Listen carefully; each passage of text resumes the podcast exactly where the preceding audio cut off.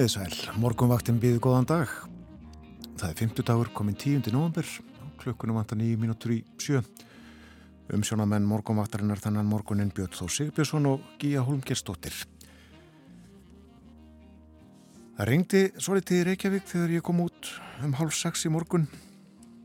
Skí á himni, en ég sá glitta í tunglið með mörður stundum týrættum tunglið sérstaklega þegar það er fullt eða svo gott sem eins og núna. Já, það var þarna, ég sá það uh, bak við skíin. En sérst það úr eigafyrðinum, Gíja? Nei, ég hef ekki komið auga á tunglið allavega í morgun. Það er töluvert skíjað hér uh, já, inn fjörðin en, en það sást vel í gerðkvöldi. En það oft svona já, létt skíjaðar á kvöldin. Ja. En það er virkilega fallett, svona fullt eða gott sem. Það er ótt að segja það. Annars uh, erum það byrju fimmstega hitti á landinu, fimmstega hitti sem sagt mjög víða, uh, örlíti svalara á stökustad og uh, örlíti klýra annar staðar. En það var sem sagt fimmstega hitti í Reykjavík, klukkan 6, lítilsáttarregning, hægur vindur, fjóra gráður á kanneri, fjórastega hitti líka í Stikisholmi, þar var logg og regning. Sekstega hitti á Patrísfyrði og 8 metrar fjóra gráður í Bólungavík, 13 metrar þar, fór í 20 í mestu kviðu. Fimmstega hitti á Holmavík, 14 metrar, 5 gráður líka á Blönduósi. Fimmstega hitti á Söðunesvita og 13 metrar þar, fór í 19. Sekstega hitti á Akureyri, skíjað eins og Gíja saði og uh, það meldist 1 metri á sekundu, klukkan 6. 6 gráður á Húsavík, 5 stig á Rauvarhöfn, fimmstega hitti líka á skjaltingstöðum sem og á eigilstöðum og þar var lítilsáttar súld, 6 metrar á sekundu norðanátt. Sjöstega hitti á höfni Hortnafyrði og 6 gráður bæði á Kvískerjum og Kirkibæðaklaustri, sjöstega á Stórhauða í Vestmanægjum, hægur vindur þar, bara 5 metrar, 6 gráður í Árnesi. Svona viðræði klukkan 6, en uh, það verður kvast í dag og gul viðvörun bóðuð, Gíja? Já, það er gul viðvörun bóðuð á vestfjörnum. Hún á að taka gildi klukkan 5 í dag og á að standa yfir til klukkan 2 á morgun, 11. november. En veður horfurnar uh, á landinu eru norðaustan 8-15 metrar á sekundu en hversir á norðvestanverður landinu 15 til 23 þrýr þar setnipartin. Já, það hversir að mestu þurft suðvestan til annars viða rigning og snjókoma á fjallvegum norðvestanlands seint í dag. Og á morgun, er norðaustan 10 til 80 metrar á sekundu en mun hægari annar staðar, allviða skúrir en slitta heiða rigning norðan heiða. Dregur úr vindi og úrkomið þar annað kvöld, hiti 0 til 8 steg, mildast seðst og ef við kíkjum örlítið yfir á, á vefsíðu vegagerðarinnar þá er varað við hálkublettum e, á Holtaverðu heiði, Dinjandis heiði, já víða um land e, og nokkuð víða inn til landsins á norðausturlandi sérstaklega.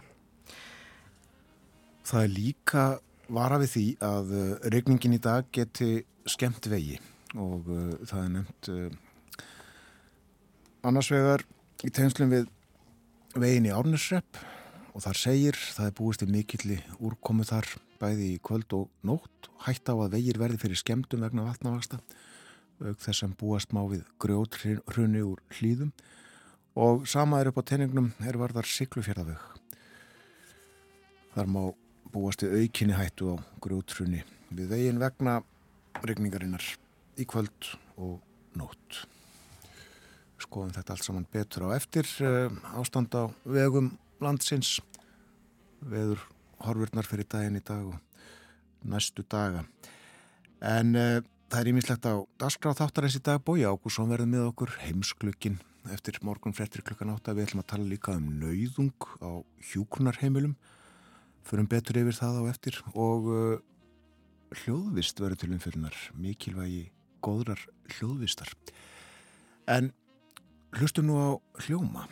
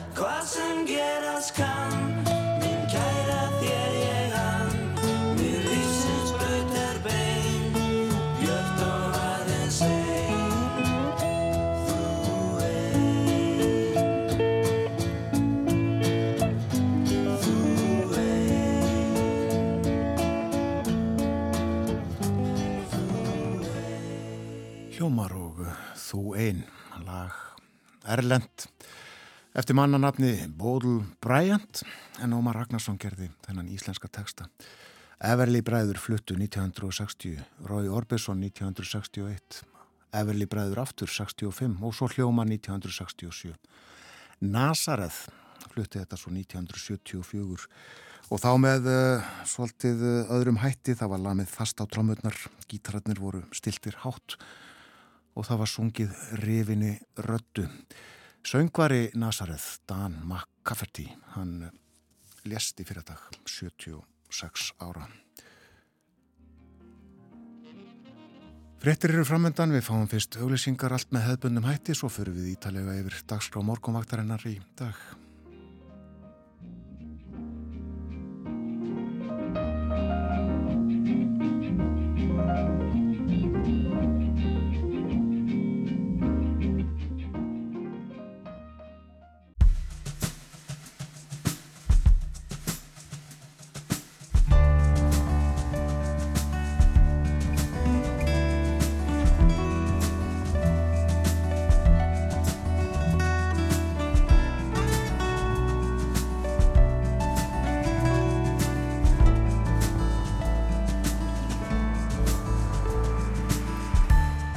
Morgonvaktin helsar og býðu góðan dag. Það er 50 dagur komin 10. november. 5% íbúa hjúgrunaheimila eru daglega í fjötrum og fjórðungur fær sterk geðlif í öðrum tilfellum en mælt er með. Frá þessu var greint á rúfa dögunum. Þar kom líka fram að þörf sé á reglum um hvenar nauðung er beitt, líkum þeim sem að gilda í málaflokki fallara. En hvað nákvæmlega er nauðung og af hverju og hvernig er greipið til hennar á hjókrunar heimilum? Brynhildur G. Flóens, dósent við Háskóla Íslands, fræður okkur um það upp úr hlukan hálf átta. Góð hljóðvist er mikilvæg og reyndar mörgu fólki algjörlega nöðsynleg. Það er tilturlega stutt síðan að hljóðvist var viðfangsefni sérfræðinga sem með mælingum og ýmsum lausnum geta dreyið úr glimjanda og háaða. Við fjöllum um hljóðvist í þettinum í dag Hjá okkur verður Ólafur Hafstein Pétursson verkfræðingur. Svo kemur bói Ágússon til okkar að vanda. Á dagskrá eru stjórnmál og kostningar í tveimu löndum, bandaríkjónum, þar sem kosið er á þriðudag og í færium. Og þar verður kosið í desember og bói sest við heimsklukkan eftir morgunfréttir klukkan átta. Umsjónamenn þáttarins þennan morgunin eru Gíja Holmkirsdóttir og Björn Þósig Björnsson.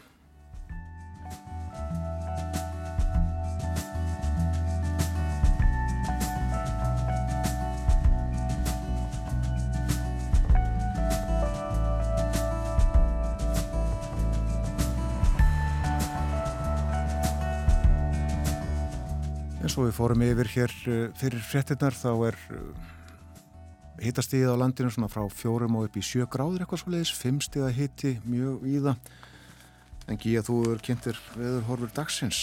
Já, það segir hér í hugleggingum viðfræðings að það gengur í norðaustan kvassviðri eða stormum landið norðvestavert í dag en talsvert hægar í öðrum landslutum. Það er víða rigning en þurft að kalla söðu-vestanlands og seint í dag má búast við snjókomu á fjallvegum norð-vestanlands. Og það er gul viðvörun uh, sem mun taka í gildi klukkan 5 í dag og á að standa yfir til klukkan 2 á morgun. Á vestfjörðum verður þessi uh, gula viðvörun og það segir hér líka á vefsíðu vegagerðarinnar að viða er hálka á landinu. Á vesturlandi er hálkublettur á Holtaverðu heiði Á vestfjörðum er hálkublettur á Dinjandisheiði. Á Norðalandi er hálka í blönduhlýð og hálkublettir í útblönduhlýð. Og á Norðausturlandi er hálka eða hálkublettir nokkuð víða inn til landsins. Það eru hálkublettir á Öksi og Breiðdalsheiði en Krabi og Mjóafjörðarheiði. Og það var sagt frá því vegna þess að það er búist við miklu úrkomu á landinu þá er má búast við því að syklufjörðarvegur þar þarf að fara að valega að það er búist við aukina hætti á grjótrunni við veginn þess vegna. Og líka í árinesreppi það er búist við mikill í úrkomu í kvöld og nótt og hætta á að vegir verði fyrir skemdum vegna vatnavaksta auk þess sem búast má við grjótrunni úr hlýðum þetta er það sem er, eh, eru skeitin frá vegagerðinni. Já, við lítum á fórsýður dagbladana, við erum á morgunbladinu, fórsýðu myndin tekin í ger, Reykjavíkur höfn, það er verið að smíða nýja bryggju fyrir óðinn varðskipið gamla. Hún er við sjóminnesjafnið, liðin á kaffivagninum. Þetta verið myndalett mannvirki, fallegar bryggjur, einstaklega falleg mannvirki og þetta segja þessi verður 60 metra laung, 7 metra breið, timbur bryggja og timbur stöyrum. Nú og uh, svo er hér á fórsíðu brot uppskrifað uh, úr viðtali við Birgi Jónsson, forstjóra Play sem að uh, er tekið í dagmálum hlaðvarpi morgumblaðsins en flugtak Play hefur reynst þingra en búestra við upphafi. Tekjur félagsins eru minni en gert var ráð fyrir og þá hefur hækkandi eldsnittiskostnaður vegið þungt. Birgir Fástjóri segir að hann og aðrir stjórnendur félagsins hafi verið full bjart sínir á hraða tekjumyndun félagsins. Það er áallinur hafi ekki gengið eftir. Það taki tíma fyrir nýtt vörumerki að vinna sér markað slutdeild. Hann hefur þó fulla trú á viðskiptamótili félagsins og segir að um 30% íslendinga sem fóru til útlanda í sömar hafi kosið að ferðast með play. Nú, uh, svo er þetta hér, verði aðgengi aukið að lausasölulefjum í almennum verslunum hefur það för með sér aukna hættu á parasetamól eitrunum. Þetta kemur fram í umsögn livjastofnunar við frumvarpum lausasölu livja í almennum verslunum. Fjallaði þetta í blæðinu í dag. Fréttablaðið fór síðan myndin tekin í gerðkvöldi í elliðárdalunum við rafstöðina og á, á, á henni má sjá hópfólks í litskrúðum útíðistaklæðinaði, hlaupagalla, hlaupagöllum með húur á höfði og höfuðljós. Þetta fólk tók í gerðkvöldi þátt í myrkra hlaupinu, hlaupiðum elliðárdal 5,7 kílometra og uh, þetta er alþjóðlegt hlaup eða alþjóðlegur hlaupa viðburður eins og segir hér, fór fram samtími svíða um heim með því er sapnað fjef fyrir rannsóknum og lækningu á mænuskaða. Þáttakendur greitu 3700 krónur fyrir sem að runnu til þessa góða málefnis sem sé. Yfirdráttalán heimilana aukasta nýju segir hér í fyrirsögn. Heimilin í landinu hafa verið að auka töku yfirdráttalána Þetta kemur fram í hagvísum Sælabankans og uh, í viðtali við markaðin sem er viðskipta kálfur eða viðskipta umfjöldun fréttablasins. Þar segir Vignir Þór Sverrisson, fjárfestingastjóri hjá Íslandsjóðum, þetta geta verið vísbendingu um að hluti heimila geti átt í vandraði með að ná endum saman. Það muni þó koma betur í ljós í vetur. Og uh, já, þegar nánari lesið þá sé ég að um áramót voru yfirdráttalaunin 2,59% af landsframleiðslu en eru nú orðin 2,63%. Það er uh, 0,04% svolítið kannski óerlegt að draga miklar álíktanir af þessu. En á sama tíma hefur landsframleiðsla aukist, tekið fram hérna. Þetta voru íslensku blöðin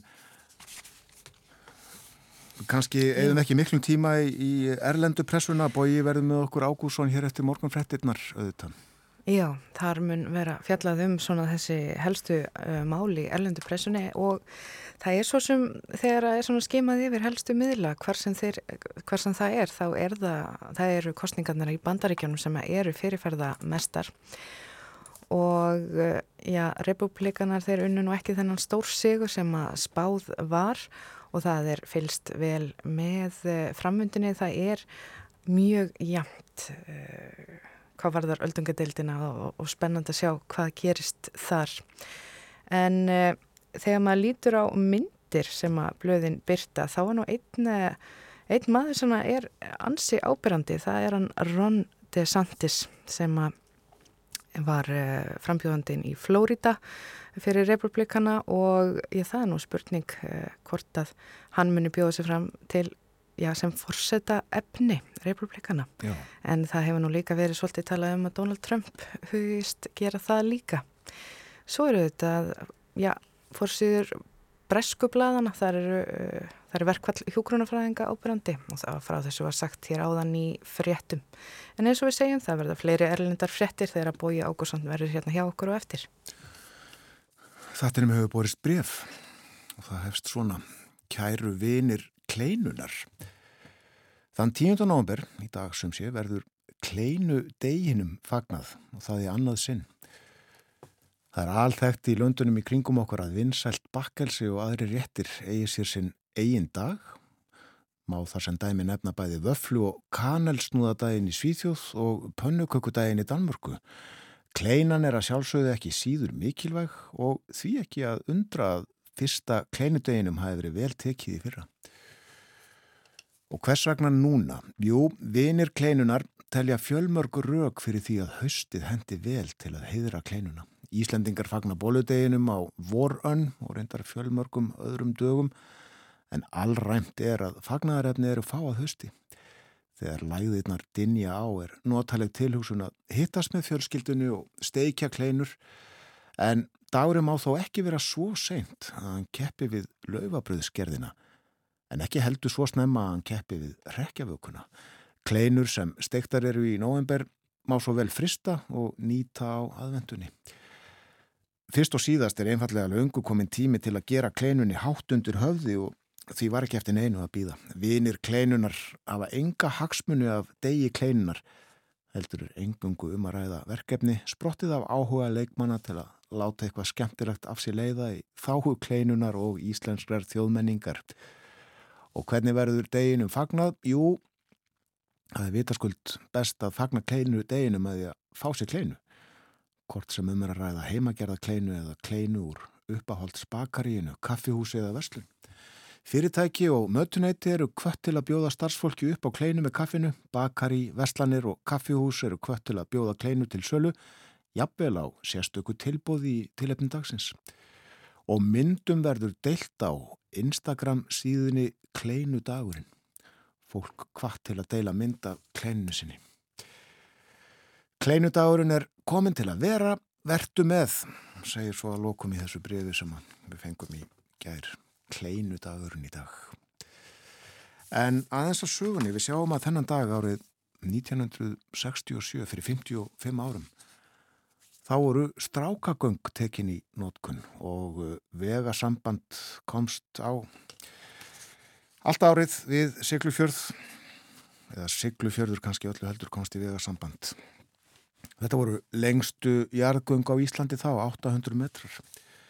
Og það voru þetta fjallega um þetta í blöðunum á sínum tíma daginn eftir, þann 11. november. Tíminn sagði Siggfyrðingar brúðu sér í sparifötin í dag, lokuðu verslunum og dróðu fána að húni. Við í dag voru strákagöngin opnuð og hátíð á Siglufyrði.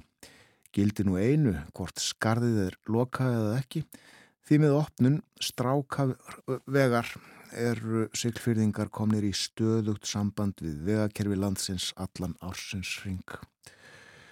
Göngin voru opnuð með hátíðleiri aðtöfn. Klukkan 13 komu bílar út úr göngunum Siglufjörða megin, voru þar á ferð Ingólur Jónsson samgöngur á þeirra, vegamálastjóri Þingmenn og forstuðumenn Evrafells sem sáum gerð gangnana og fleiri gestir og á mótið þeim tók bæjastjórn Siglufjörðar og var þar einnig samankomin fjöldi Siglfjörðinga.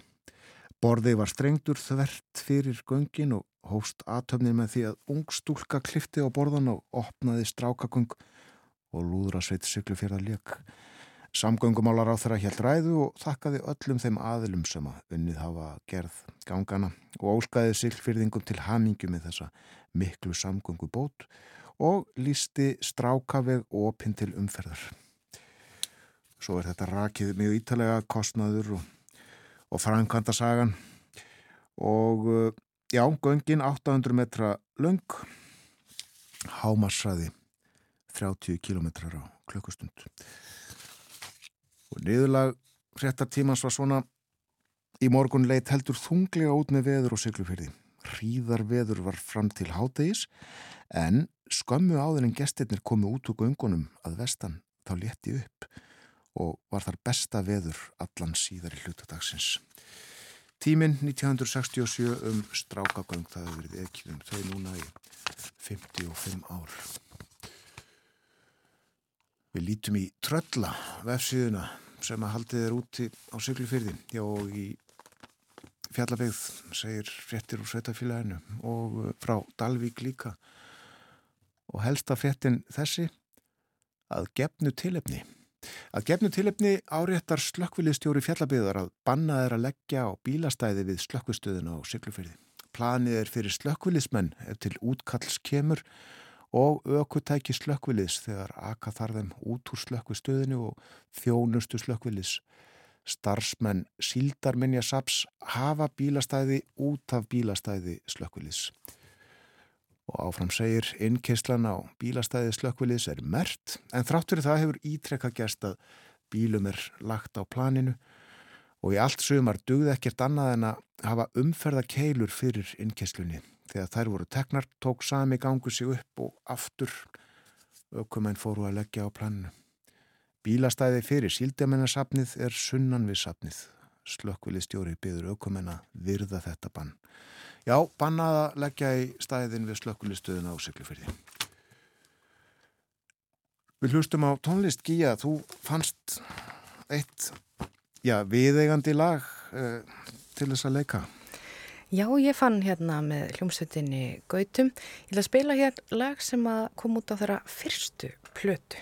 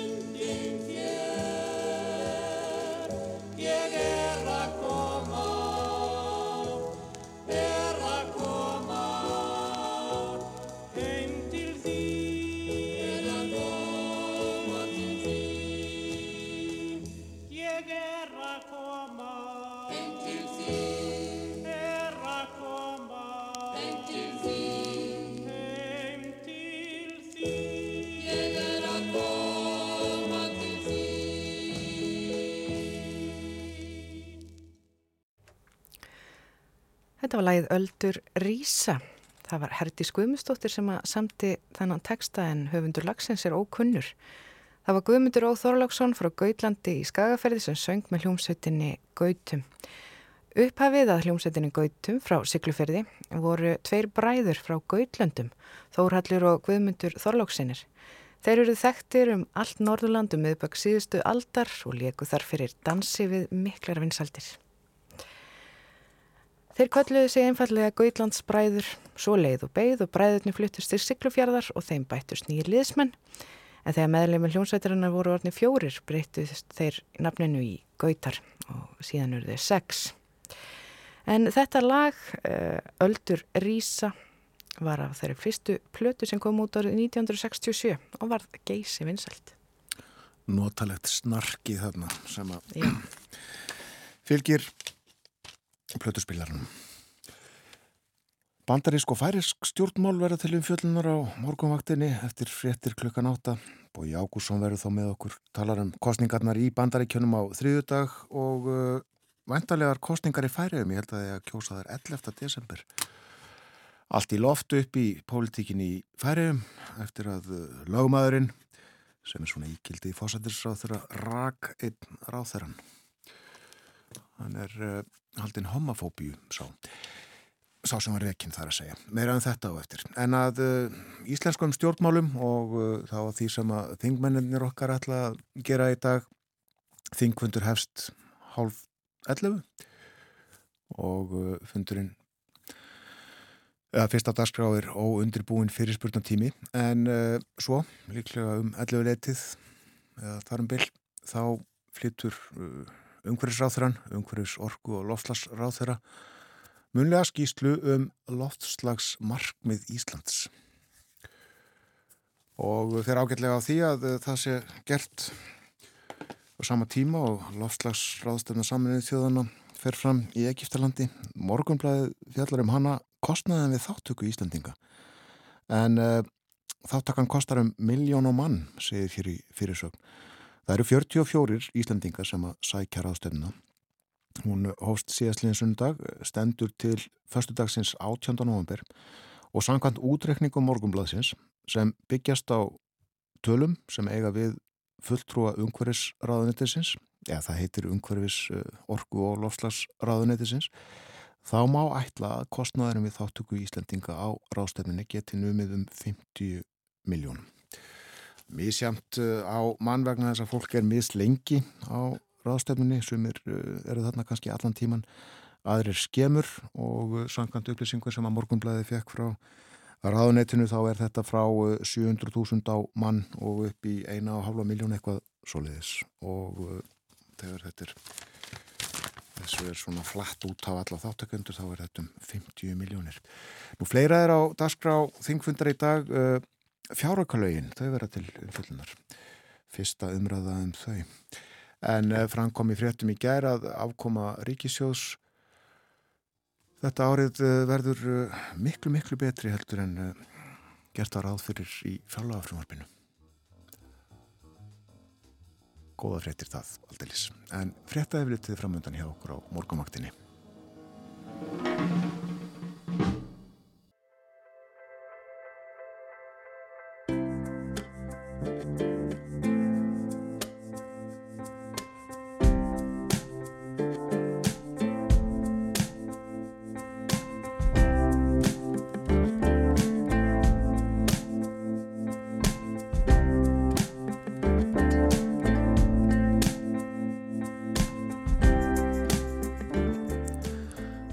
Aftur þegar að hlusta á morgunvaktina á rás 1 og framheldur sigling okkar inn í daginn. Það er miðugudagur 10. november, klukkan réttliðilega halv átta. Það verður bísna kvast á vestfjörðum í dag, svo kvast að gefin hefur verið út gul viðvörun, norð-austan kvastfyrir eða stormur með snjókomu. Og uh, þetta gerist setjumpartin, þessi gula viðvörun tekur gildi klukkan 5 í dag og uh, gildur uh, fram til 2 á morgun. Má búast við að vindfræðin verði 15 til 23 metrar og uh, með þessu rigning eða slitta og snjókoma á fjallögum og þetta getur skapað varasum axtu skilirði segir í tilkynningu frá viðstofunni og vegagerðin vekur aðtekli á því að vegir geta skemst í regningu setnipartin í dag og næstu nótt Siglufjörðavegur nefndur uh, reyndar ekki að hann geti skemst heldur að uh, þar verði aukin hætta á grjótrunni en uh, það er hætta á að uh, vegir í árnarsreppi skemmist í kvöld og nótt fólk hafi þetta í huga. Bói Ágússon verður með okkur eftir fréttnar klukkan átta.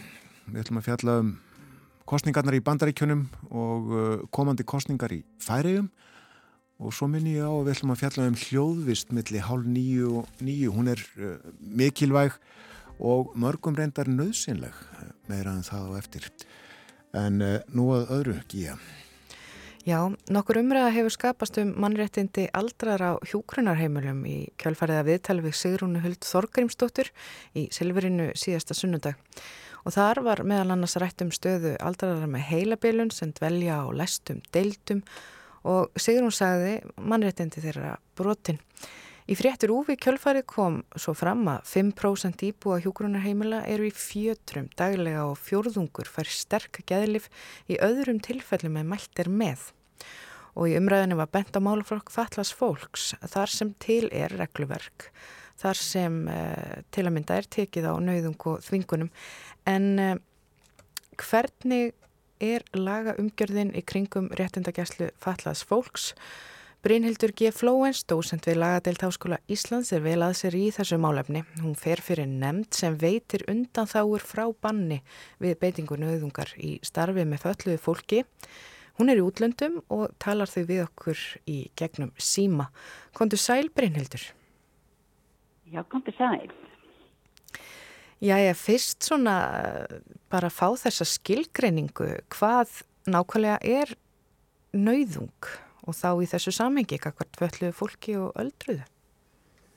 Já, sko, nauðung er skilgrind í réttindagæslu lögunum eða lögum um réttindagæslu fyrir falla fólk sem eru frá 2011, reynda kom nauðungin ekki inn eða, eða, eða kapinu nauðung ekki með 2012 en þá erum við að tala um einhvers konar aðtöfn sem að þá skerðir sjálfsákvörnarétt einstaklingsins og fer þá fram uh, annarkvært gegn vilja viðkomandi eða á einhvern nátt fengi svo að sjálfsáparðinaréttinum að, að það sé í reynd nauðum þó að viðkomandi kannski mótmæli ekki, ekki þess, þessum, þessari skerðingu. En það getur það vel átt yfir margt fólk að það sé kannski ekki bara í aðstöðu til að mótmæla og, og þegar við erum svona að tala náður um hvað, hvað félist í nauðunga þá er það fyrst og fremst uh, líkanlega valdbeiting sem að getur mögulega í einhverjum tilfinningum verið nöðsileg til að koma í veg fyrir að viðkomandi skafi þá sjálfa sig eða, eða aðra. E, nú eða þá skerfinga á ferðarfelsi, það er innilokun eða húsnæði sem tilherir fallari mannisku, er læst eða er, er ferðarfelsi og einhvern þáttu skert eða þá við komum til að flutta á staða, millir staða gegn vilja sínum. Og svo auk þess að þá er það nauðung eða aðgangur að egnum viðkomandi takmarkaður það að segja að viðkomandi einstaklingu fær ekki þær sínar egnir og fær ekki að, fara með þær eins og, eins og, eins og henni eða honum sínist og svo líka í lögunum að þá er, er, er bandið fjárvöktun og þetta er svona þetta er svona það helsta þetta er svona, svona, svona grundvallaratinn skilgringun á því hvað er nauðung samt að réttindagæslu lögum fyrir að falla fólk Mm -hmm. En þessi umræða sem hefur skapast núna í mm. kjölfarið af þessu viðtali uh, um brota og mannréttindum aldras fólks uh, með heilabilun sem býr þarna á læstum deildum, Já. það er talað um fjötra og, og þetta, þetta eru átakanlega lýsingar. Hvernig horfir þessi umræða við þér? Já, hún horfir þannig við, við mér að þarna sé verið að brjóta uh, réttindi fólks mjög alvarlega. Og þá, þá vil ég nefna það að, að lögin þau, þau heita lögur réttindagæsli fyrir falla fólk.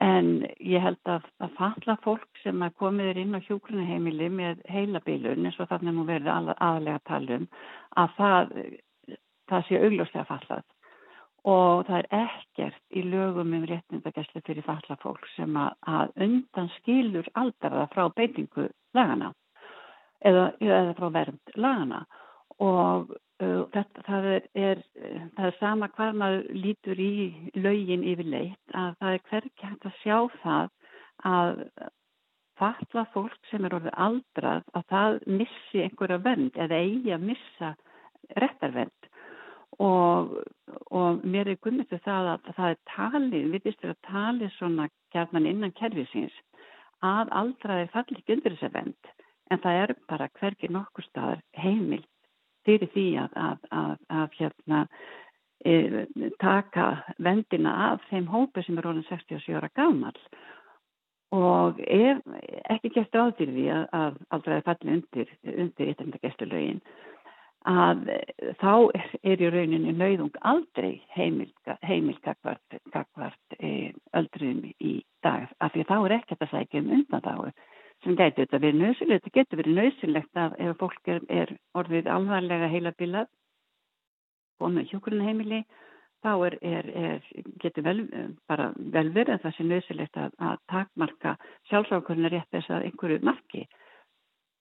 Þannig að, að, að fyrir mér horfið þetta þannig að það er verið að beita aldraða ólögumætri nöðung. Já, um, já, og þú fer fyrir nefnd sem að veitir undan þáu uh, til þess að já, undan þáu gegn banni við beitingu nöðungar. Hvernig já, starfar já. þessi nefnd? Nefndi starfar það neða, við erum þrjú sem sittum í þessu nefnd og, og við fáum sem sagt erindi frá, við, svona úrskurða nefndi, fáum erindi frá þjónustu aðilum, það getur svona dæmi gæst að þá er það einhvers konar búsettukjarni þar sem að falla fólk býr og það, það getur verið eitthvað sem að, að fjónustæðalinn vil þá óska eftir undan þá vegna. Það getur verið að svona, þetta er í hug eitthvað, eitthvað, eitthvað svona eins og það að viðkomandi sé með, með annarkot sjúkdóm eða heilkenni sem er þessi eðlis að, að, að já, það er til eitthvað sem ég man ekki hvað heitir sem það sem, að, það sem hefur komið til svona borðar annað, margt annað heldur en átt að segja kannski ekki á því sem á greina með einhverju sem er hættulegt eða ekki hættulegt. Og þá er geta verið að, takmarka aðgangað livjum eitthvað slíkt eða, eða hættulegum efnum nú það er svo, svo hefur við sótt um, um alvarleiri undan, alvarleiri eða undanfæða vegna alvarleiri aðbygga svona eins og, eins og þegar að ferðarfelsi skert en þá er í lögunum gert ráð fyrir því að ef að um er að ræða e, viðvarandi og verulega frelsiskerringu og þá á nefndina að vísa því til domstóla því þá er það talið svo alvarlegt að, að domstólar eigi að fjallum það en ekki stjórnsýslu nefnd. Mm. En eh, þannig að þetta er svona, þetta er svona, þetta sem nefndist starfar en alltaf áður en við fáum málinn þá þarf málið að vera búið að fara fyrir svo kallar sérfræðiteimi í sem ísita sérfræðingar sem að þá reyna að finna aðra lausnir en nauðung og svo er Já. það bara, ef, ef að það er ekki, þá fer þetta til okkar og þá er það okkar að, að skoða hvort að skilin eru uppfyllt mm -hmm. sem að lögin gera um þetta. E, fáið þið margar umsóknir um undan þá er uh, við banni á beitingu nöðungar til ykkar? Nei, það er ekki hægt að segja það. Og, og alls ekki miða við þar upplýsingar sem lág fyrir þegar lögjum voru samanstrykt vegna þess að þá var, þá var um, í umsökk fjármálarandisins sem fylgdi eins og alltaf frumvarpinu að þá var gert ráð fyrir því að, að það kæmu strax í upphafi cirka 200 beinir til nefndarinnar Það liði nú þrjú ár þannig að þetta kom mál til nefndarna fyrsta og ég held að sé svona ég fari rétt með að það er svona um það byrja 40, rúmlega 40 mál sem við höfum fengið á þessum tíu árum. Og helmi, cirka helmikið þeirra eða hlæpilega helmikið þeirra hefur verið vísa frá. Vegna þess að það hafa bara ekki verið næginleg gögn eða trátt fyrir að nefndin ítekið það auðvitað alltaf. En þannig að, að við höfum tekið til efnismæðra kannski 20 málið, rúmlega það. Já, og hvað segir þetta okkur?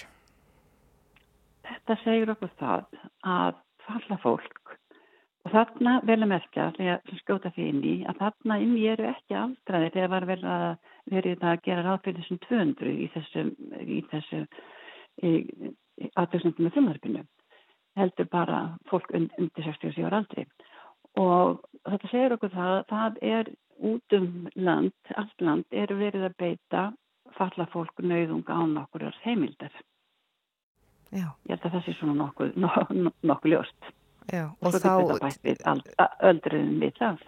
Einmitt, þannig að þessi hópur aldraðir, þessi sem að flokkast undir já, þessi lög um, um, um réttandi gæsli fallarsfólks, að það er verið að beita nauðung við það.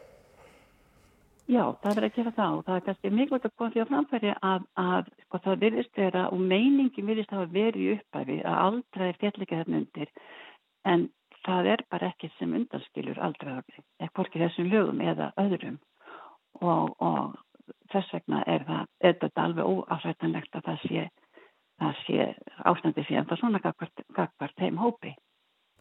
En hvað er þá sem að, já, er hægt að gera? Er það þarf eh, að auka við fræðslu til fórstöðu fólks og starfsfólks á þessum hjógrunarheimilum, á heimilum eh, aldraðra og, og, og fallast fólks?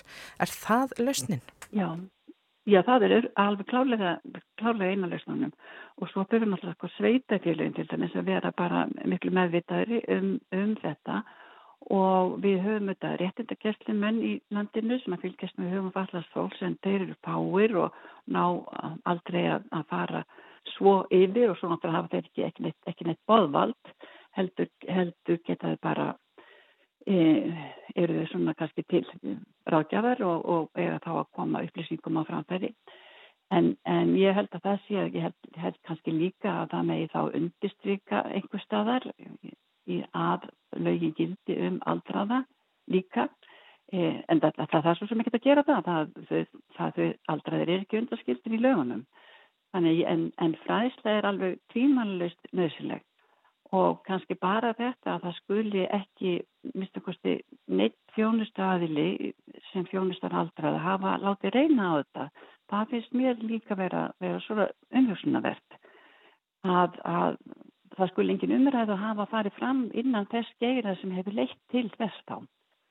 En, fræslan, hún er mjög mikilvæg og það er auðvitað svona stundum talsert starfsmannavelta í þessu málaflokki og, og sérstaklega það kemur til þess að, að, að búsettu kjörnum verist vera án sem ég hafi tölur um það, það er bara það sem mér hefur virst og þess heldur er mikilvægt að, að vera stöðugt með stöðutvakandi gangvart þessu og upplýsa starfsfólk og svo þurfa sveitafélagin bara að taka þetta miklu alvarlega heldur þau gera eða virðast gera, ég efast ekki um að flest sveitafélag vilja gera vel en, en þau þurfa bara svona að taka sér heldur betur á Og þurfti þá að vera aukið innra eftirlitið eða hvaða leiðir þurfti að fara?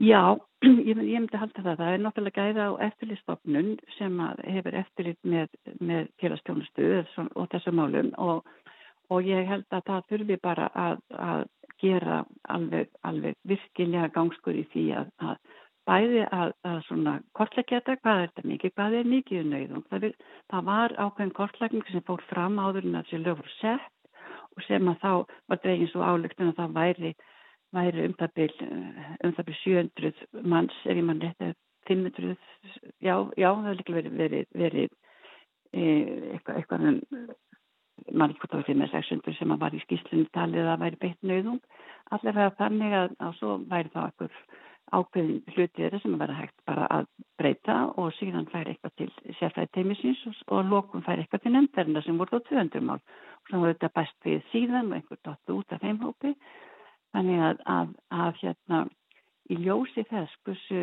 hversu stór hópur þetta er að þá, þá er og ljósi þessu auðvitað þá hópunum verið minni þá byrti það einhver auðvitað.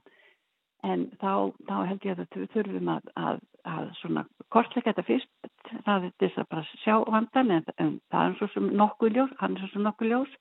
Og svo er það bara algjörlega frá að minni sjónarhaldni séð bráðnausilegt að, að greipa til úræða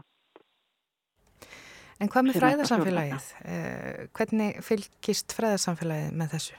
Vistu það? Já, ég held að, að fræðarsamfélagið fylgist nú svona uh, alveg ágæðlega með. Það er mikil gerjur nýtt til dæmis föllunafræðum og, og það uh, er kannski ekki eins mikil, mikil gerjun í svona dísist nýr að akkurat öldruðum þó að það séu þetta mikið að gerast þar á ymsum síðum eins og innan innan til dæmis félagsákjafarinnar og en, en ég vildi gerna sjá meira þar, það mætti leggja meira. Við hugsaum það að þetta er svo, þetta er svo stór hópur, íslækjandi hópur sem að, að, að þarf, þarf auðvitað rétt að venda eins og aðrir hópar og það eru svona ákveðin skilirði sem að koma ákveðin aðstæði sem verða til eftir því sem fólk eldist. Og það er kannski, kannski hérna ágætt að muna það sem Sigrun nefndi þarna í viðtælinu í Sylrinu að það er ekki nema lítill hópur aldraðara sem er, er fallaður. Þannig að, að, að það er ekki eins og það fara allir fallaður í, í, í þurfið einhvern veginn að fara að, að byggja um einhverja undanþáur eða, eða fara eitthvað stokkarsleita stað þó að fólk telja að falla fólk falla undir. Því að flest, flest aldra fólk eru þetta bara sérum sér sjálft og, og og þarf ekki, þarf ekki að vera á hjókunarheimili. Já, en mér langar að bakka aðeins og, og, og störð þessara nefndar sem að þú situr í, já, sem að veitir já, þessa já. undanþáu. Hvenar var nefndin stopnuð? Hvað er langt síðan að þið tóku til stað? Það er tí, tíu ár. Tíu ár, já. Og uh, þannig að það greinilega hefur ekki svona, þið hafi ekki þurft að, að beita ykkur mikið. Nei, það, það, það er ekkert að segja það. Það, hafi, það er alveg mjög ólíkt því sem við höfum, höfum, uh, höfum átt, átt vona á og gett það ráð fyrir. Þannig að það eru miklu, miklu færri mál. Og það segir okkur, auðvitað, auðvitað væri það gott eða það væri færri mál vegna þess að það væri ekki nauðung. Það, það væri auðvitað, auðvitað því besta mál. En því miður að þá er það ekki þannig. Og, og, það er einhver staðar, einhver staðar er mikil treyða. Þannig að það má, eh, svona, það er líklegt að í verklægi á eh, heimilum, hjógrunarheimilum, stofnunum, að bara ekki sjálfu verklæginu að þar eh, leynist, sagt, að, það, að þar er beitt nauðung á þess að nokkuð gerir sér að til grein fyrir því starfsfólki. Það gæti verið það, það já, það, það getur auðvitað vel verið en ég held að það fari nú ekkit að vilja mála að, að eins og að verða að nefna ef að fólk er læst inni eða að það er talmöggu um eða er fjötrað að ég held að engum getur dölist að það sé nauðung. Já, ég held að það sé bara þannig. Þess, mm. Já, já og, og ég vildi bara hvetja einhvern á, á, á slikri stofnum til að gera það að, að því að því að eins og yfir stjórnendur slikri stofnum að bera auðvitað ábyrð bera ábyrða meðferð, meðferð e, sína skjólstæðinga og ef að það er beitt nauðung, ánþess nauðung er náttúrulega bara óheimil samkvæmt stjórnarskrá og, og ef það er, það er, hægt, að, það er hægt að veita að má beita nauðung eða til þessir heimil til lögum en hún er bara ekki önnur heldur en þessi þegar þessum hópi kemur.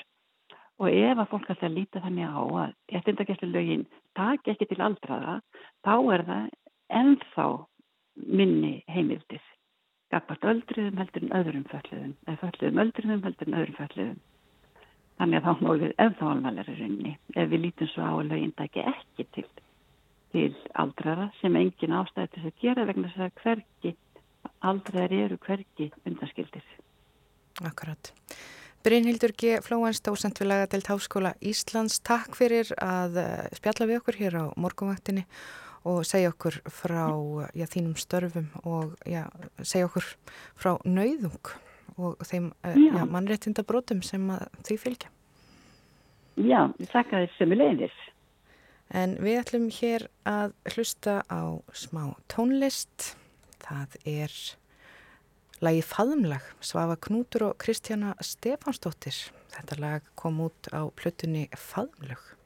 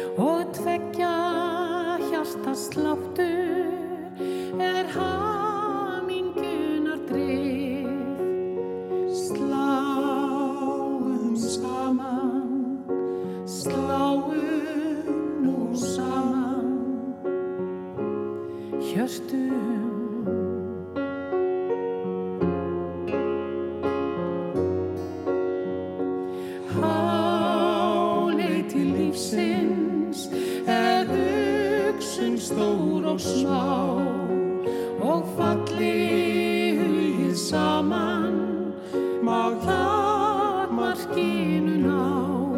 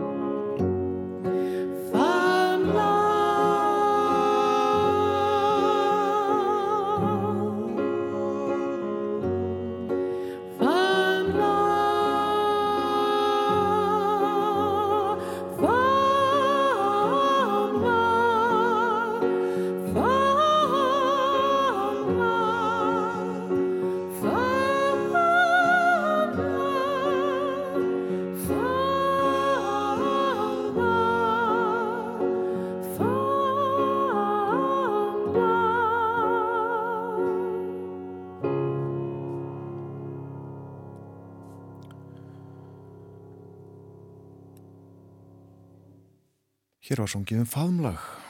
Ekki vanþörf á faðmlagi eftir þetta samtal þeirra Gíu og Brynhildar G. Flóens um nauðung. Það líður að fréttonum hjá okkur á morgunvaktinni. Við fáum fyrst auglýsingar. Allt með hefðböndum hætti og já, það er 50 dagur í dag. Bói Ágússon verður því með okkur eftir fréttir sestið heimsklukan og við tölum um stjórnmáli, þeimilöndum, bandaríkjunum og færiðum.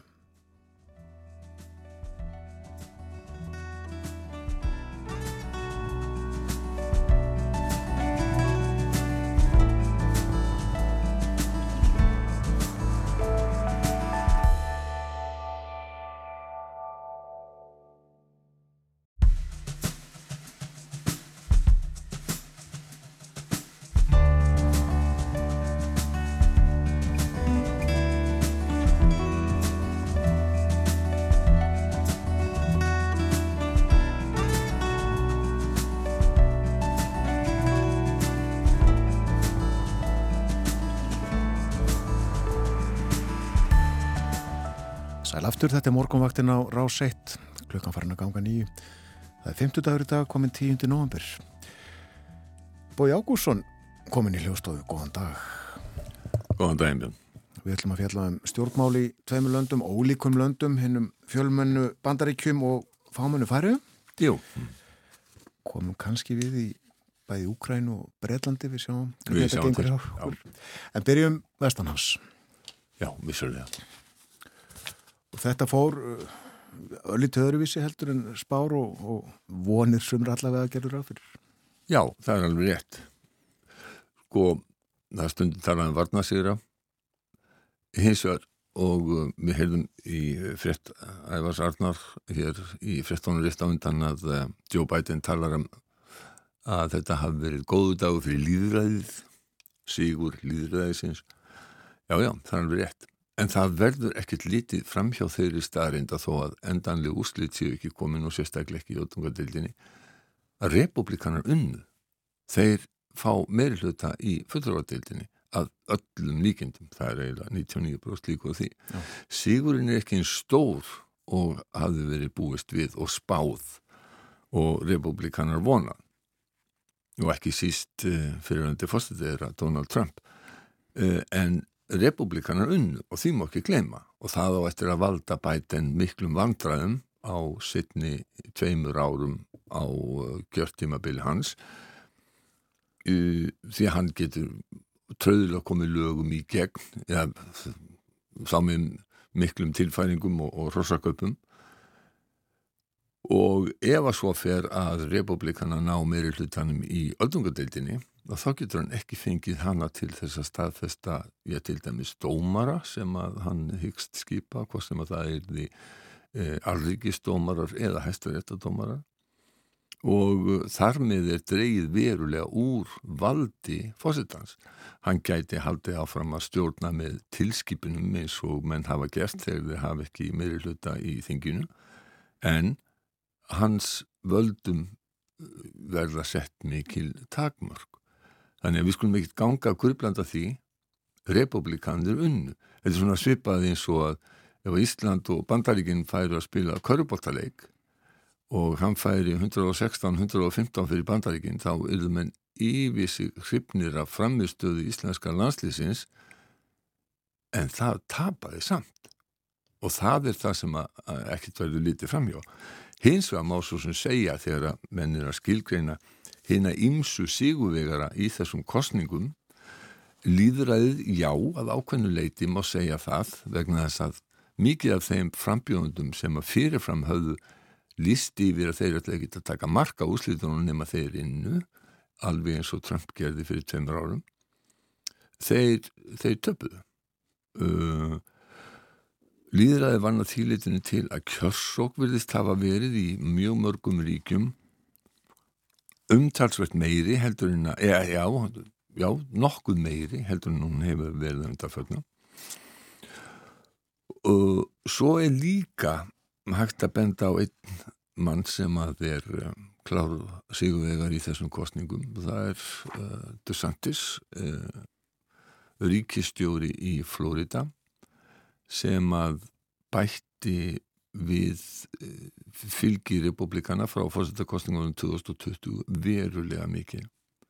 Hann fær tæplega 60% atkvæða og uh, þetta þýðir að ef að hann hyggst fara í fósittaframbóð eftir tvö ár það er eilívar kostningar og kostningabaröður í bandaríkan að þá stendur hann mjög stert og hann hefur veikt fyrirvændi fósitta og hann, þar að segja Donald Trump má eiginlega segja að sé sá sem að tapa því þessum kostningum vegna þess að um, Trumpistarnir sem að hann, þar að segja þeir frambjöndur sem hann benti á og mælti sérstaklega með og það voru mjög margir að þeir náðu ekki þeim framgangi sem að eh, menn höfðu vonað og þeir sem að voru kjörnir á þing og það voru allmargi sem að voru kjörnir á þing eh, eða í önnur ennbætti það var mest í þeim sem að, eða kjördæmum þar sem að republikanar eru með meiri hluta. Það má aldrei gleyma því að í svona kostningum, alveg svo í kostningum í Breitlandi og öðrum kostningum að þá eru það ekkit óskaplega mörg kjördæmi eða þingsæti sem að skipta um hendur því að sko það er innbyggður meiri hluti eh, annars flokksins, annars skórs flokksins í, í svo mörgum uh, kjördæmum. Já, margt er einfallega rautið að blott. Það er einfallega þannig sko. Svo náttúrulega fyrir utan það ég kvart alltaf yfir þessu þegar við erum kostningar í bandaríkjanum lítanótkun þeirra. Raut á að vera fyrir vinstri. Þetta er á skjön við það sem Þetta er á skjön við það sem að, hérna, allur annar heimur hendi. En fyrir utan það náttúrulega það er sko að mælt með svona vestur-evrópskum og eða sérstaklega norrænum augum að þá eru bæði demokrater og republikanar hægri flokkar. Já, já, já. En sé þannig að þarna tapar uh, Donald Trump og Mark Thiessen sem er hægri sinnaður uh, mjög fréttaskýrandi á Fox-sjónastöðinni, hann sagði í gerð sko þetta væri stór slís fyrir republikana vegna þess að þarna sko, það væri mest í samdráttur í kaupmætti í einhver áratýji það væri vestakrísa á landamærunum frá, frá, frá upphafi. Óvinsælasti fórseti nokkur sinni. Og, og það var vísa til þess alveg svo kom fram hjá ævar efna á hann að það er hefð fyrir því að þegar fórsetar hafa setið í tvö ára og þá tapir flokkur hans stort í eh, þessum milli kostningum eins og kallaður í bandaríkjanum og tísinn talaði um fleira sem að hefði átt að vera þannig á sko, efnahagskrísa uh, og republikanar hefði átt að vinna stór sem heyra í tísin We have the worst inflation in four decades, the worst collapse in real wages in 40 years, the worst crime wave since the 1990s, the worst border crisis in U.S. history. We have Joe Biden, who is the least popular president since Harry Truman, since presidential polling happened, and there wasn't a red wave. That is a searing indictment of the Republican Party. The Republican Party needs to do a really deep introspection look in the mirror right now because this is this is an absolute disaster. absolute disaster sem að gefur okkur aðeins til kynna hverjar væntingar republikana voru. Þeir byggust bara við að, að, hérna, að sópa demokrautum uh, út af þinginu og eintanlega í báðum deildum. Og það gerist ekki. Þess vegna geta menn talað um varnasífur en aldrei að gleyma því republikanir unn mm -hmm. Já, glemir því ekki, það eru alls konar vandraði í bandaríkjunum og nýkjum á því að uh, bandaríkjafósetti hefur ekki verið jafn óvinnsætl og bætin er núna uh, síðan á dögun trúmas. Ég sko, mm, ég er ekki alveg vissin um þetta þó að, þó að hérna tísin hafi verið að segja þetta því að Donald Trump var ekki sérstaklega misæl eh, á þessum tíma og republikana þau töpuðu mjög stórt í þessu svona samsvarandi þingkostningum 2018 hefur það verið. Uh, En sko þeir eru engi vínir. Eh, Ron DeSantis, ríkistjóri í Florida, sem var vann þinn að stóra sigur og Donald Trump. Og Trump hefur sko verið með yfirlýsingar um það að uh, hann skulle sko ekkit vera að uh, íhuga neitt frambóð því að þá ætli Trump að láta uh, almenning vita af ymsu sem að ég vil ekki eiginkona DeSantis viti um hann Já. þannig þetta er eiginlega þetta er náttúrulega bara bein hótun og mjög í anda þess sem að uh, hefur verið hafa verið enginni Donald Trump sem stjórnmálamanns. Hann hefur líka talað um sko uh, kallaðan ekki uh, Rondi DeSantis heldur Rondi Santimonius sem er því skínhelgur eða hræsnisfullur eitthvað, eitthvað annars lít það er greinlegt að hann, hann, hérna, hann, hann óttast hann uh, verulega. Uh, og en Trump hins vegar hann sagði það fyrir kostningarnar um þá sem að hann bless, sem að hann blessaði ef að þið vinna þá er þið mér að þakka ef þið tapa þá er ekki mér að kenna skulum heyra það að segja þessi orð Well, I think if they win, I should get all the credit, and if they lose, I should not be blamed at all, okay? Já, þetta er nokkuð, nokkuð típisku Donald Trump. Já. Sko, eitt af því sem að kannski rétt að taka fram líka í þessu sambandi er það að það var kosuð mjög marga hluti. Eitt af því sem að var að, í að minnst ákvæmst í fimmríkjum var uh, tengt þungunarofi í kjölfar þessa hæstarétta dóms sem að afnam þungunarof á, á alríkisgrundvelli. Nú er þetta einstöku ríki sem, a, sem að ráða þessu og til dæmis í Kentucky sem er mjög íhaldsamt ríki, þar var lögð fram til um að þungunarof verði aldrei lift og þetta átti að fara inn í stjórnarskráðu ríkisins. Þetta var felt og í mjög íhaldsamu ríki. Og víðast hvar annar staðar var þetta felt ástæðan fyrir mikill kjörsókn er að mörguleiti þungunarof vegna þess að þetta er uh, uh, þetta er eitt af fjórum kostningamálum sem að samkvæmt útgöngusbám skipti kjósundum mestu máli þegar var í hitt voru efnahagsmál og verðbólgansinsett líðræði staðan, ógn við líðræði sem að margir höfðu talið þessar kostningar gett orðið og, og, og, og glæpir en Þungunarósumræðan skipti sérstaklega miklu máli hjá fólki sem var í yngsta aldursópnu sem er mældur, sem er 18 til 29 ára og, einnig meðal minni hlutahópa. Þetta var til þess, þar að segja dómurinn frá því í sumar, var til þess, og öll þungunarósumræðan, að kjörsókn fólks í þessum hópum var miklu meiri heldur en að eh, gert hafði ráð fyrir og það þýðir að uh, þess vegna stóðu demokrata sig betur heldur en að uh, heldur en að gert hafi verið ráð fyrir. Svo voru skemmtileg týst frá einhverjum aðstofamönnum Trumps sem að voru að lýsa viðbröðum hans við úslitunum hans að hafa sagt að hann væri æva reyður og öskrandi á alla mm. Og já, já, þannig að það er það er ímislegt sem að þarna hefur verið að, að, að gerast sko. e, já, Trump hann sérst, mælti með 174 af 100 af 430 frambjöðundum e, til e, þingsins og þeir hérna, bættu við sig 1,3% frá kostningunum 2020 aðrir frambjöfundur eh, republikana bættu við sér 6,9% frá kostningum eh, 2020. Það virðist sem sagt vera að eh, það að Trump mælti með hafi fælt marga kjósendur frá því að kjósa þessa frambjöfundur og það er eiginlega kannski hvergi augljósara heldurinn í Philadelphia það sem að eh, John Fetterman uh, frambjóðandi demokrata sem að uh, varð alvarlega veikur fekk, uh, fekk heilablóðfall og átti erfitt með, með mál vann Mehmet Oss sem að var sérlegur frambjóðandi Donald Trumps.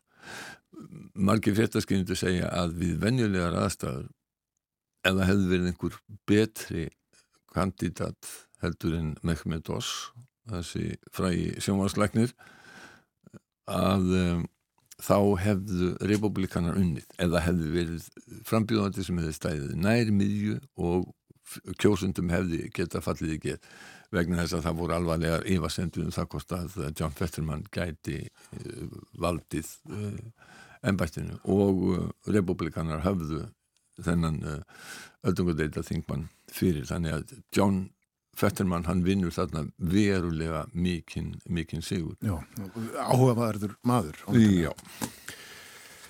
Þetta var um bandareikin, eða að fara þá til færi að það er alltaf að vera mendanum í stjórnbólunum þar. Já, það er í rauninni búið að vera í meirinn ár uh, miklar deilur, sko það var kosið 2019 og uh, þegar að þær kostningar fóru fram að þá, þá hérna, það var í september 2019 þannig að kjörtímabilið rennur ekki út fyrir uh, að ári.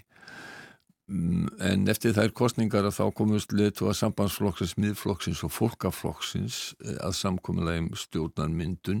Og þetta er, þetta er hægri stjórn og Jenis af Rana varð mentamála og, og utanrikis ráþæra sko, miðflokkurinn í færium er ekki sambarilegur við miðflokkin í Nóri, eitthvað með Senter eða Senterpartiet í Svíþjóð um, hann er þetta er Kristinn bókstafstrúar flokkur og Jenis af Rana náttúrulega leitói flokksins það er yfir litið mjög margi sem að mun eftir því að hann neitaði að sitja í veistlu kvöldverðarbóð þegar Jóhanna Sigurðardóttir var uh, fórsættis á þeirra, hann er bókstafstrúar uh, og mjög sko langt til hægri og stjórnin fjall núna uh, út af því að hann neitaði að stýðja frumvarp sem að var um réttindi samkynneira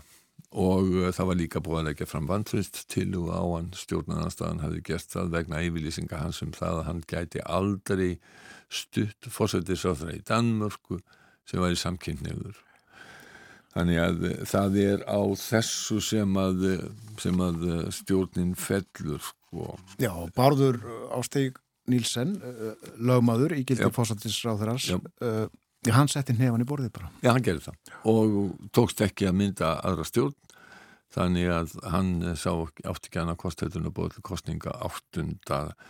Uh, desember Já. og það verður gaman að uh, fylgjast með því hvernig, uh, hvernig stjórn verður myndið í færium. Eitt af því fyrsta sem svo stjórn þarf að takast á við er hvort að eiga semja nýju við rúsa um fiskviðar Það eru margir áratögi síðan að rússar og færingar gerðu samkómulega um það að færingar mættu veiða í Barentsafi í 20.000 tónar þoski og rússar mættu veiða heilmikið af, af loðnu, síld og kolmuna sem þeir kalla svartkjaft í færiskri lögsu og að rússar mættu umskipa abla sínum í færiskum höfnum. Þetta eh, hefur verið gríðarlega umdeilt og færinga greitt mikið á undanfjöldum árum. Þeir ekki sem sagt tekið þátt í alþjóðlugum efnaðarstingunum? Nákvæmlega og það er það sem er mjög umdeilt og uh, Sjúrður Skalin í kjörin uh, þingmaður uh, jafnaðarmanna á danska þingið hann segir að það sé mjög mikilvægt að færinga standi með vestrænum ríkjum í aðgerðum gegn rúsum. Jeg mener, det er vigtigt, at Færøerne står sammen med Vesten og følger Vestens linje over for Rusland. Øh, at vi er, altså viser os som og er en, en integreret del af, af Vesten og tager samme ansvar, som Vesten tager. Hann vil að færinga taki sömu ábyrð og önnur vestræn ríki. Sko, það eru deilur um það hvort að þetta hafi jafn mikil áhrif á færiskan efnahag ef að þeir segðu upp þessum samningi og menn hafa vilja vera að láta hinga til. Það er klart að uh, þetta hefði verulega áhrif á þau fyrirtæki sem að standa í þessum viðskiptum og þar myndi fólk missa vinnu en það er hins vegar sko af viðtal við, uh, við færiskan bladamann Roland Vag Dam sem að hérna sagði, það var í danska ríkisútvarpinu sem sagði að auðvitað myndu þau fyrirtæki sem standi þessum viðskiptum tapa miklu en það væri alls ekki tækt að ganga út frá því að uh, þetta hefði mikil áhrif á, á færiska nefnahag almennt. Hann, hann benti á að, að, að útflutningur til Rúslands hefði dreigist saman niður ekki neitt í ár en samt hefði fiskútflutningur færinga aukist um 30% og þetta er það að hafa í huga þannig að það væri ekkert vist að þetta er neitt róttök fyrir færiska nefnahag þannig að það vex hérna þeirri skoðun fylgi í færiðum að þeirri ekki að endur nýja þennan samning. En við ætlum aðeins að minnast á tvent annað. Já. Það er annars vegar Gavin Williamson sem að uh, þurfti að segja af sér fraklaðist frá hálfu mánuð eftir að var skipaður í, í Bresku ríkistjórnina og, og þetta var bara fyrir einelti og ofbeldi. Uh, Þetta er í þriðja skipti sem Gavin Williamson rökklast frá uh, úr Bresku ríkistjórninni og það er í, rauninni furðulegt að Rissi Súna kvortættisáþröð skuli hafa valið hann í ríkistjórninu vegna þess að það er almennt mál manna hans að Gavin Williamson sé alveg gessamlega vonlust stjórnmálamæður og, og, og ráþæra. Og Súnak saði að þetta höfður í mistokk. Hann sagði það, já. Og hitt málið örstuðt í lokin er staðan í Úkræninu það sem að rúsar hafa líst yfir því að þeir ætla að hörfa frá Hesson ef þeir gera það, þá er þetta gríðarlega mikið e, áfall fyrir þá og sínir að, að hernaðastæða þeirra er bísnastlæm Putin ætlar ekki að fara á fund ASEAN sem er ríki í Suðaustur Asíu sem hefst í Kambodí í dag. Hann ætlar heldur ekki að fara á G20 fundin sem hefst á Bali eftir helgi. Það verður Sergei Lavrov sem að stendur þar fyrir svörum með öðrum leitóum þegar þeir setjast uh, að fundaborðinu á, á, á Hittabeltis í hefni Bali. Takk að þið fyrir dagbói. Takk sem er þess.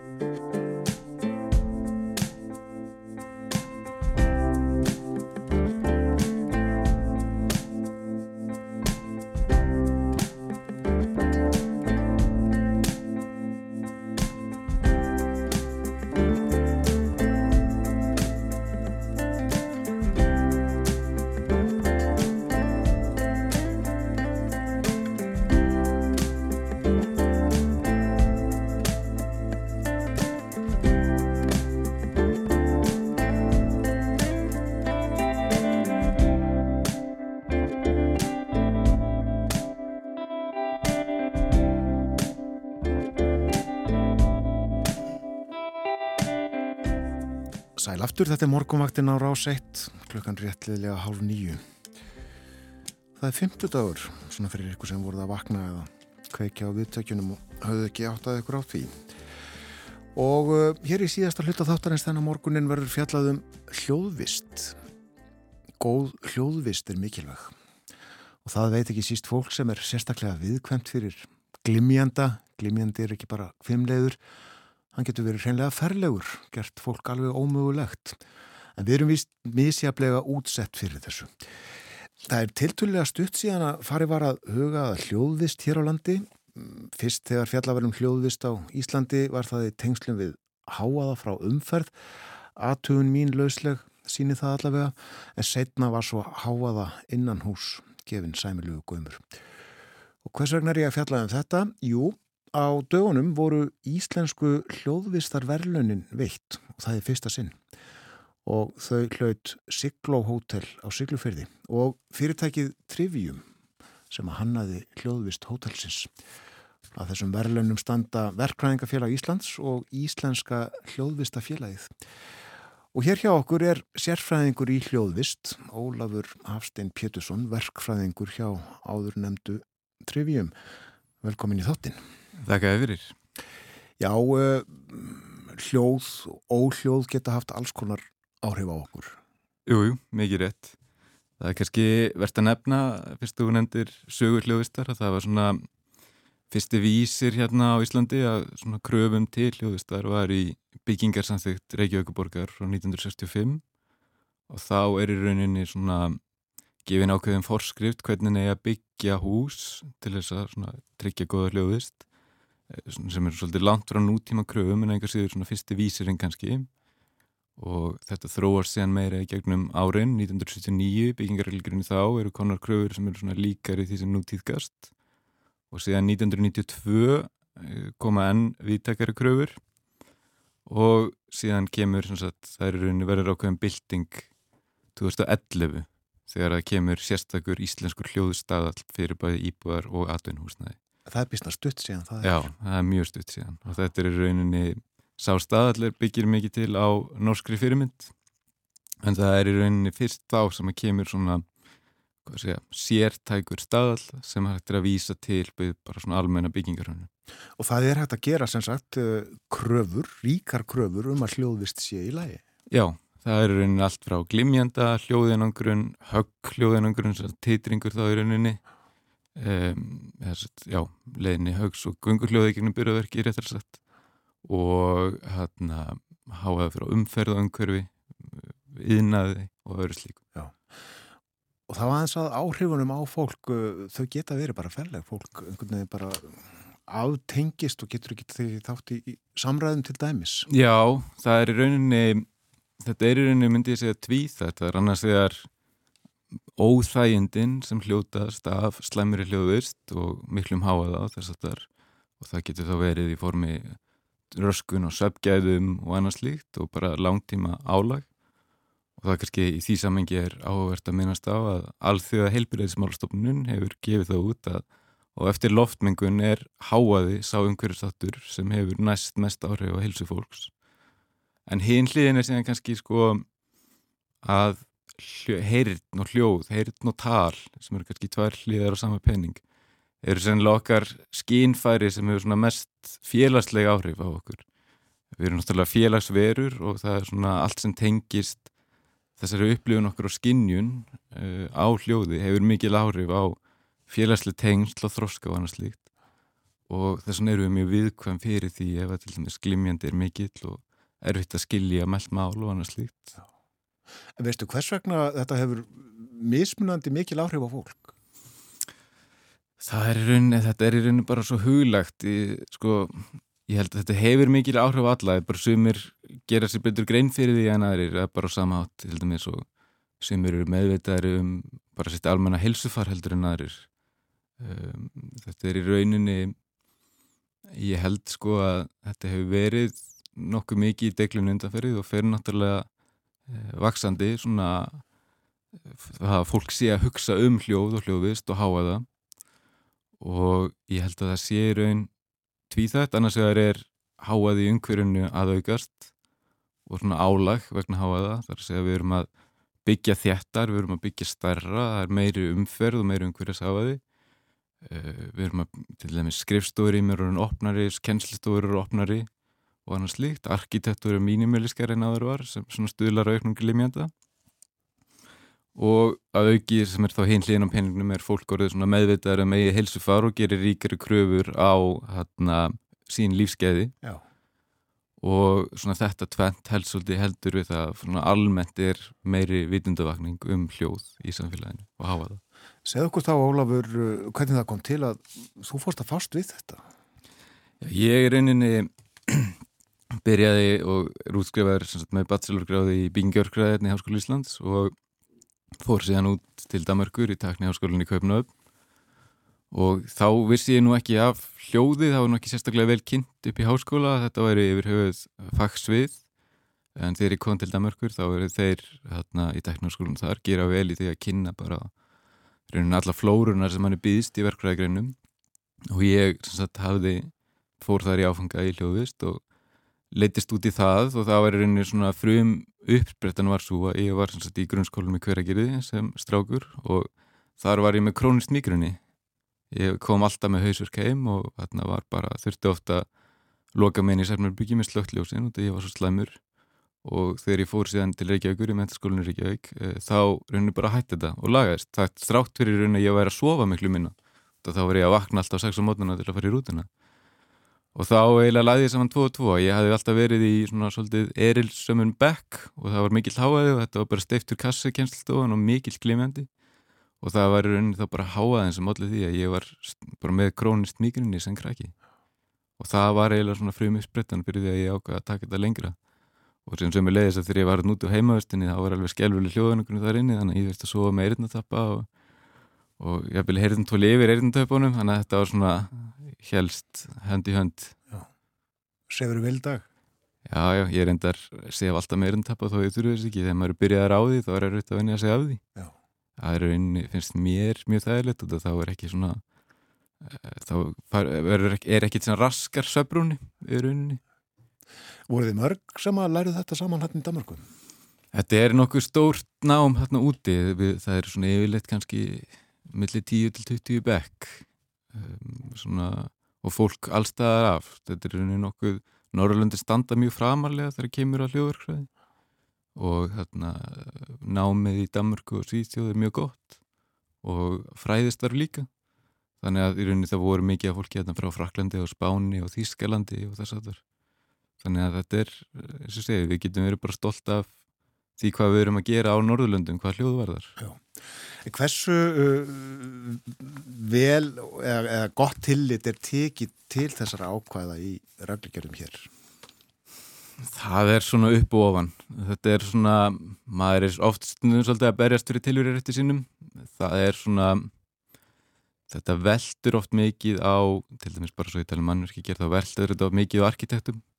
Við erum að glýma við sínilegi viðbóru og svona svæði sem arkitektur hanna.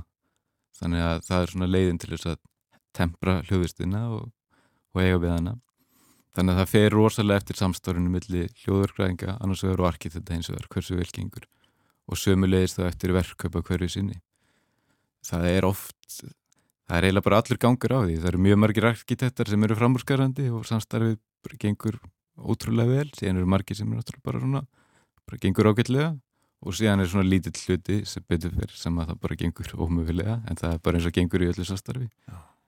En ég myndi segja að svona ef að skórin kreppir einhver staðar þá er oft hljóðvistinn það sem er fyrst fórnað út af því að þú til dæmis segir ekki við bruna hannuð að slepp einhver út að slökkulið þarf að fara yfir þá þetta bara verður bruna held þú segir heldur ekki við burðaþólsannuð að minga umfang burðaverkisins um 30% eða eitthvað, ég menna þá bara stænst húsið ekki kröfur. En það er engin, það er engin úttækt gerð á hljóðhunun og það er engin sem að en ekki, það er bara deyr ef að hljóðhununum misefnast þannig að það er oft svona pressanrótt þegar það er að spara auðrin að fórna þá hljóðvistinni fyrst. Það er svona oft kannski það sem er að glíma við. Hver eru svona líkil atriðin eh, til þess að tryggja goða hljóðvist í rými? Um, það er svona fer náttúrulega eftir eðli rýmisins. Ég myndi segja sko ef maður talar á almennu nótunum þá er svolítið mikilvægt þetta samstarfi arkit þetta er svolítið líkilatriði og þetta það er ég held að það hafi verið hljóðurkrangur japanskur hann með Toyota sem hann hefði DA-bíin í Danmarku danska hann að Uh, þeirra svona segja, aðalsal. Og hann sagði svo réttilega góð hljóðvist verður að líta vel út og það er svolítið líkilatri þetta þarf að líta vel út og þetta þarf að, að passa vel inn í rýmið. Uh, það þarf síðan að bera ákveðna virðingu fyrir því að þetta er eins og segi mjög útlitslega dominerandi svona hljóðvistalustnir það er oft allur loftfluturinn tekin undir eitthvað sem er eitthvað hljóti yfir loft eða rimla klæningu eða eitthvað þess að þar og stundu þegar maður er að nota vekkfleti líka á þess að þar þannig að eins og sé þetta samstarf með arkitektum er svolítið mikilvægt og síðan er náttúrulega það er þá glimjandin og síðan er þá í rauninni líka þegar að snýra hljóð einangrun og þess að þá er maður meira að vinna með vekkþyktir, vekkuppbyggingu, gólfuppbyggingu slíta byrjaverki sundur og annað þess að þar sem er svona það er meira svona sem maður getur unni með uh, öðrum verkræðingum og er svona kannski ekki jafn sko. Maður hefur meira sjálfræði þar skulum við segja Er hægt að bjarga húsnæði sem að hefur verið hannað? Já, áður en þessar reglugerður tóku gildi til að mynda og, og koma á góðri hljóðvist. Já, já, það er yfirleitt alltaf hægt, ég myndi það er alltaf hægt að bæta slæmt ástand, hvort sem maður er á nútíma kröfum eða ekki, þá er það maður getur alltaf komist nálátti og reyndað ofta tíðum. Það er náttúrulega sant sko ef að til dæmis ef við tökum hljóð einangur sem er dæmi þá er mest sem vinst bara í til dæmis fjörbyrjusúsum bara í þygt burðaverkisins þannig að ef það er með gamalt húsnæði það sem vekkir eru kannski 12 cm þykir og með nútíma vekkir eru 20 cm að þá nærið aldrei nútíma kröfum en þú getur byggt inn að það og svona reynd að bæta bæta ástandið. Og það er í rauninni óhefpilegt að eins og sem er þekki kannski að íslensk hús voru byggð þannig hér bara þannig til mjög nýlega að það voru einangriða innan. Og það hefur nú verið svolítið í deglunni út að það er óhefpilegt upp á raka að hafa steipun að kalda og það er rauninni líka óhefpilegt upp á hljóð. Það er svona að allir þessi hús sem er einangriða innan það er hljóðu leðinni sem verður um múrhauðina og plasteinangrunina.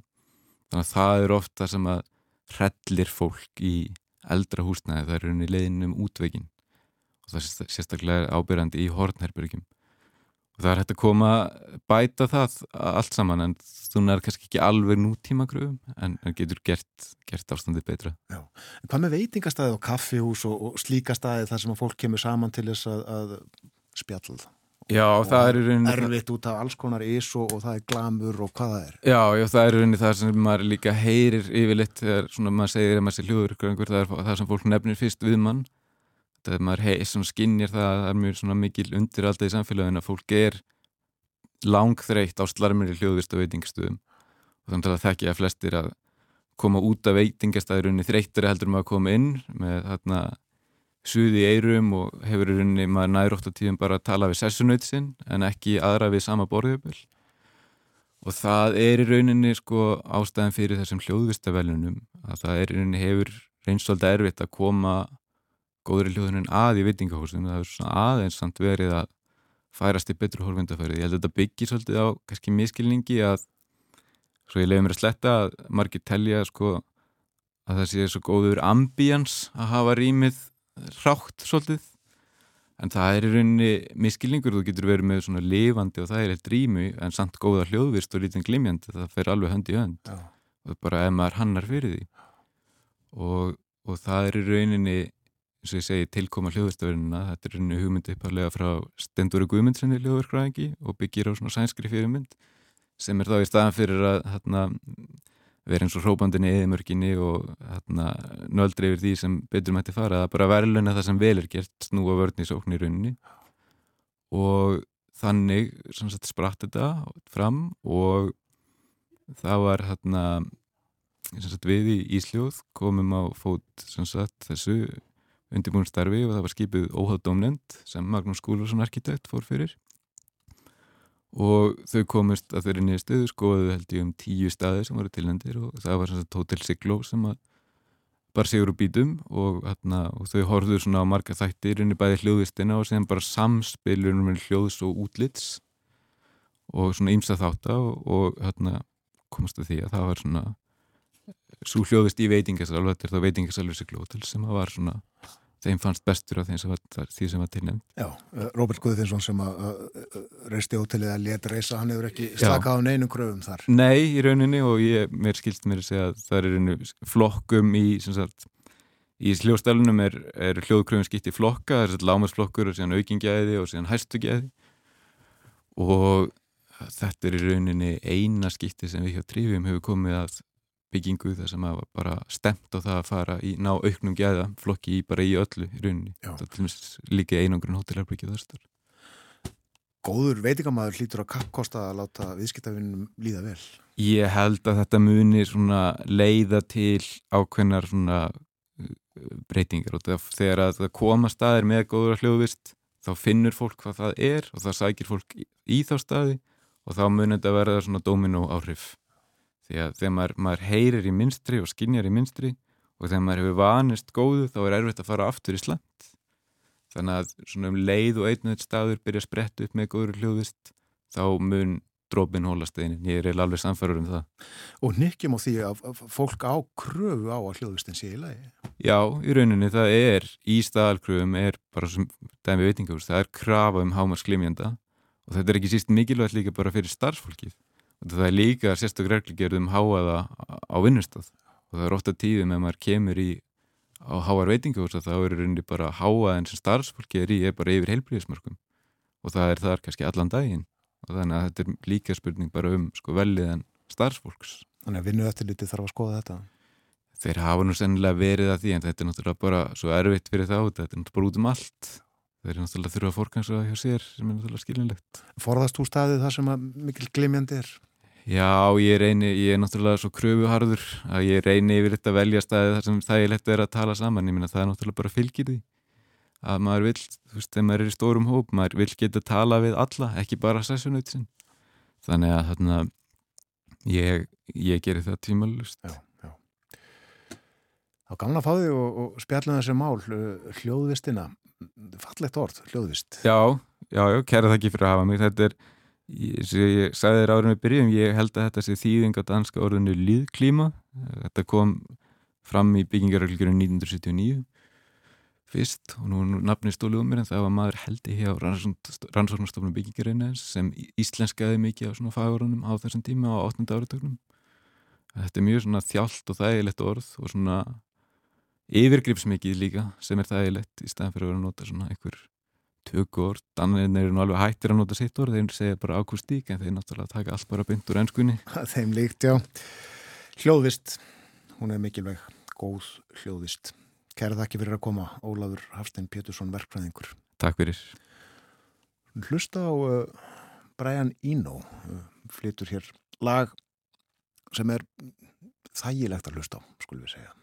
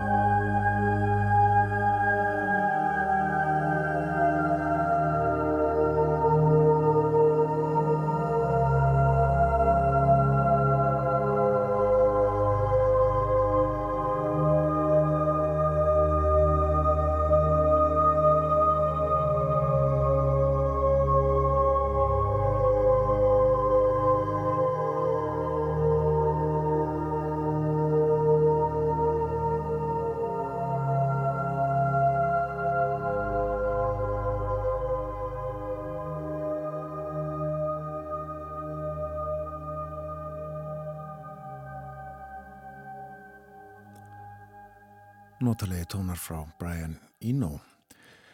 Hann hefur unni með mörgum listamönnum, vann með David Bowie til dæmis í Kanada og David Byrne, setna með U2 og enn setna með Coldplay og Damon Albarn svo einhverju séu nefndir og svo gerir hann sína einn tónlist.